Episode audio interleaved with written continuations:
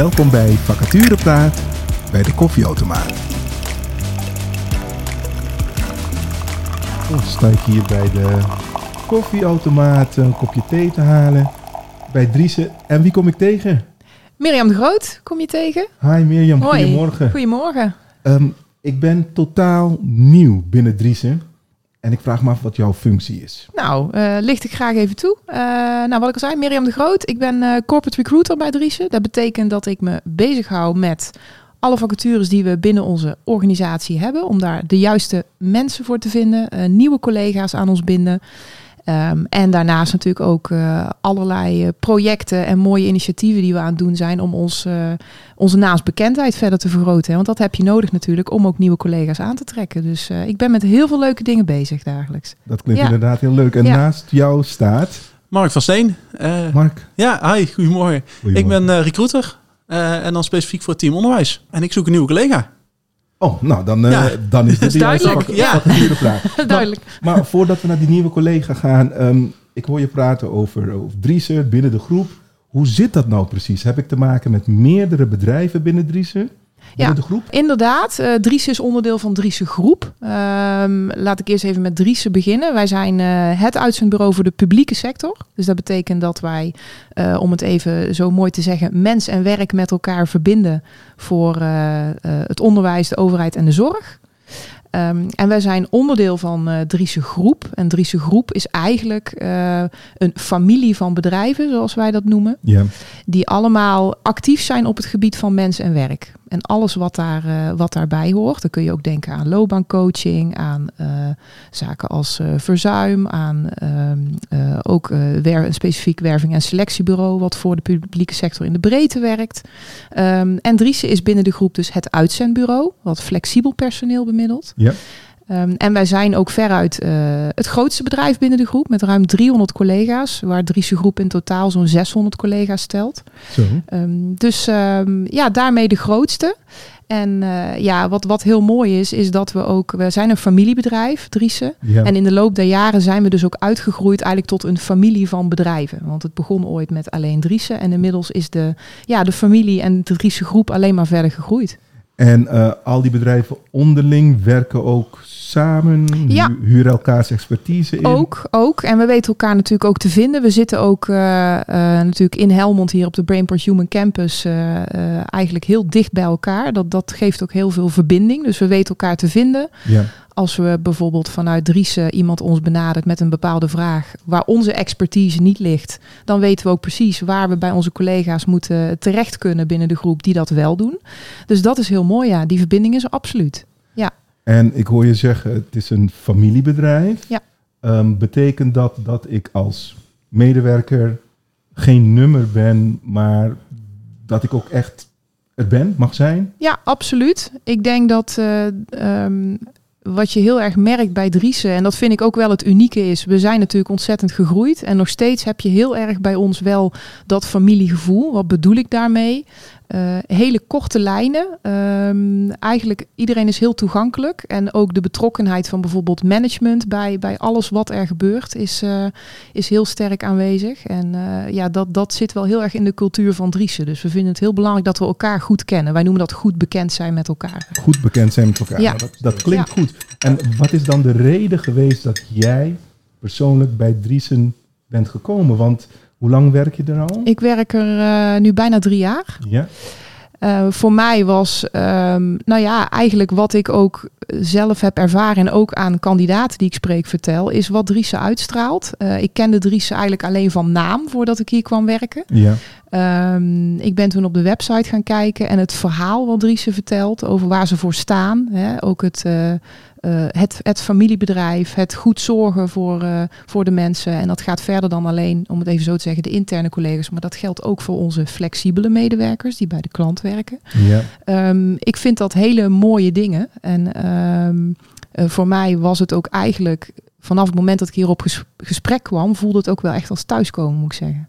Dat weet ik ook nog toen ik hier naar binnen stapte hoor. Ja, daar, ben ik wat- heel gevoelig voor. Hè? ja, van, ja, beschrijf het even. ja, je gaat zitten op het bankje om te wachten tot je wordt opgehaald voor het gesprek. Ja, En dan ben je aan het rondkijken. En ik voelde meteen eh, van ja, een fijne sfeer. Ook iedereen die voorbij liep, was ook zoiets, eh, zei ook hallo. ja, dat kan wel eens verschillen hè, bij bedrijven, klopt. Ja, dus je zit daar te wachten en er lopen natuurlijk allemaal eh, ja, mensen voorbij, collega's die op weg zijn naar een afspraak. En die kennen jou verder niet. Maar iedereen hallo, hallo. En dus ik dacht, jeetje, wat, wat, wat fijn voelt Ja, dit. En ja. dat is eigenlijk eh, niet meer veranderd. Tot eh, de eerste dag dat ik aan de slag ging, voelde dat ook zo. En eh, dacht ik, ja, ik, eh, ik ben geland. Een beetje dat gevoel. Wauw, wauw. Ja, En, en ehm, Mark, jij ehm, hebt je thee, koffie is het hè, bijna op. Ehm, je zoekt een nieuwe collega. Allereerst, wat is jouw functie binnen Driesen? Nou, ik, ben, ik werk als recruiter, eh recruitment adviseur om s- specifiek te zijn. Eh, dat houdt eigenlijk in dat ik dagdagelijks eh met de klanten binnen het onderwijs, hè, uiteindelijk zit ik natuurlijk bij Unit Onderwijs,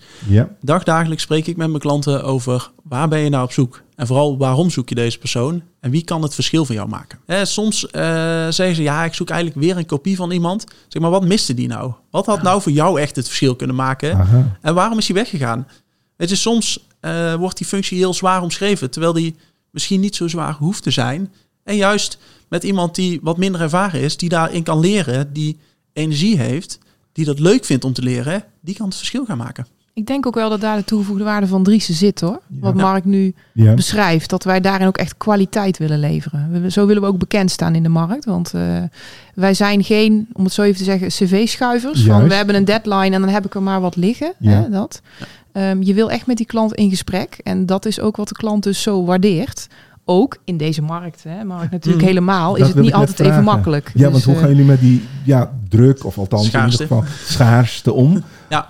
Ja, de- je merkt heel erg in die schaarste eh, dat die schaarste ook gecreëerd wordt. Ehm, er is een hele hoop extra geld in het onderwijs naar voren gekomen. Alleen maar goed, want het was heel hard nodig. Ja, Ehm, maar daardoor zie je dat er gaten eigenlijk gecreëerd zijn die er niet per se waren.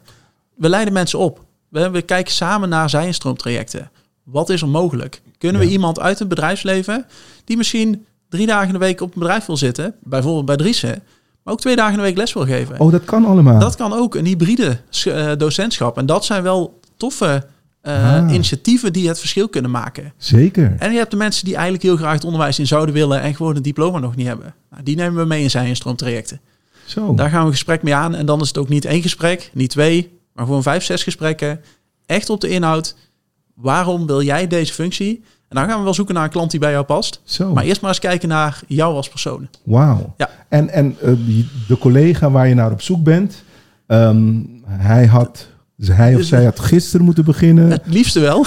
ja, ja, ja, maar dat zegt iedereen natuurlijk. Eh, het, het liefste eh, had ik een collega gehad die, die lekker ook in de zomervakantie eh, mee erin kon komen. Ja, Weet je, zomervakantie is binnen onderwijs ook een punt waarop heel veel scholen even stilstaan. klopt. Kijk ik dan echt naar de collega, die gaat zich bezighouden met universiteiten. Oké, specifiek. Ja, Nou ja, in eerste instantie. ja oké. Ehm, we hebben een hele hoop klanten binnen het onderwijs. Hè. Dat gaat van primair onderwijs, de basisscholen, tot aan de universiteiten en Ja. alles daartussen. En als, je dan, als ik dan ehm, als recruiter zou denken van... Goh, dit ziet er interessant uit. Ehm, waar kom ik in terecht? Het warmbad, dat weten we. Ja. Maar hoe ziet mijn gemiddelde werkdag eruit? Hoe kan het eruit zien? Ik zit, en dan spreek ik even vanuit mezelf, eh, ik zit in principe minimaal één dag in de week bij een klant. Eh, ik heb een aantal klanten waar ik eh SPOC, Single Point of Contact ben, waar ik dus ook echt afspraken heb dat ik op locatie ga werken. Dan hoef ik niet heel de dag voor diezelfde klant te werken, Ah, oké. maar ik ben aanwezig. Ik heb zichtbaarheid, mensen weten dat ik er ben. En eh, ik maak afspraken op locatie met managers. Ik wil ook dat team leren kennen. Want als ik het team ken, kan ik het ook verkopen. Aha. En dan kan ik vertellen waarom wil iemand in dit team werken? Waarom is dit team zo leuk? En de Ja. vraag die jij mij nu stelt, als ik kijk naar ons team, waarom is ons team nou eigenlijk zo leuk? Vertel. Wij hebben een team, ongeveer 30 mensen, alleen maar, die alleen maar bezig zijn met het onderwijs. Van primair, hè, dan kijk je naar vervangerspools. Elke dag weer ervoor zorgen dat er een leraar voor de klas staat. Voortgezet onderwijs en hoger, hè, eh, middelbare scholen, mbo's, docenten.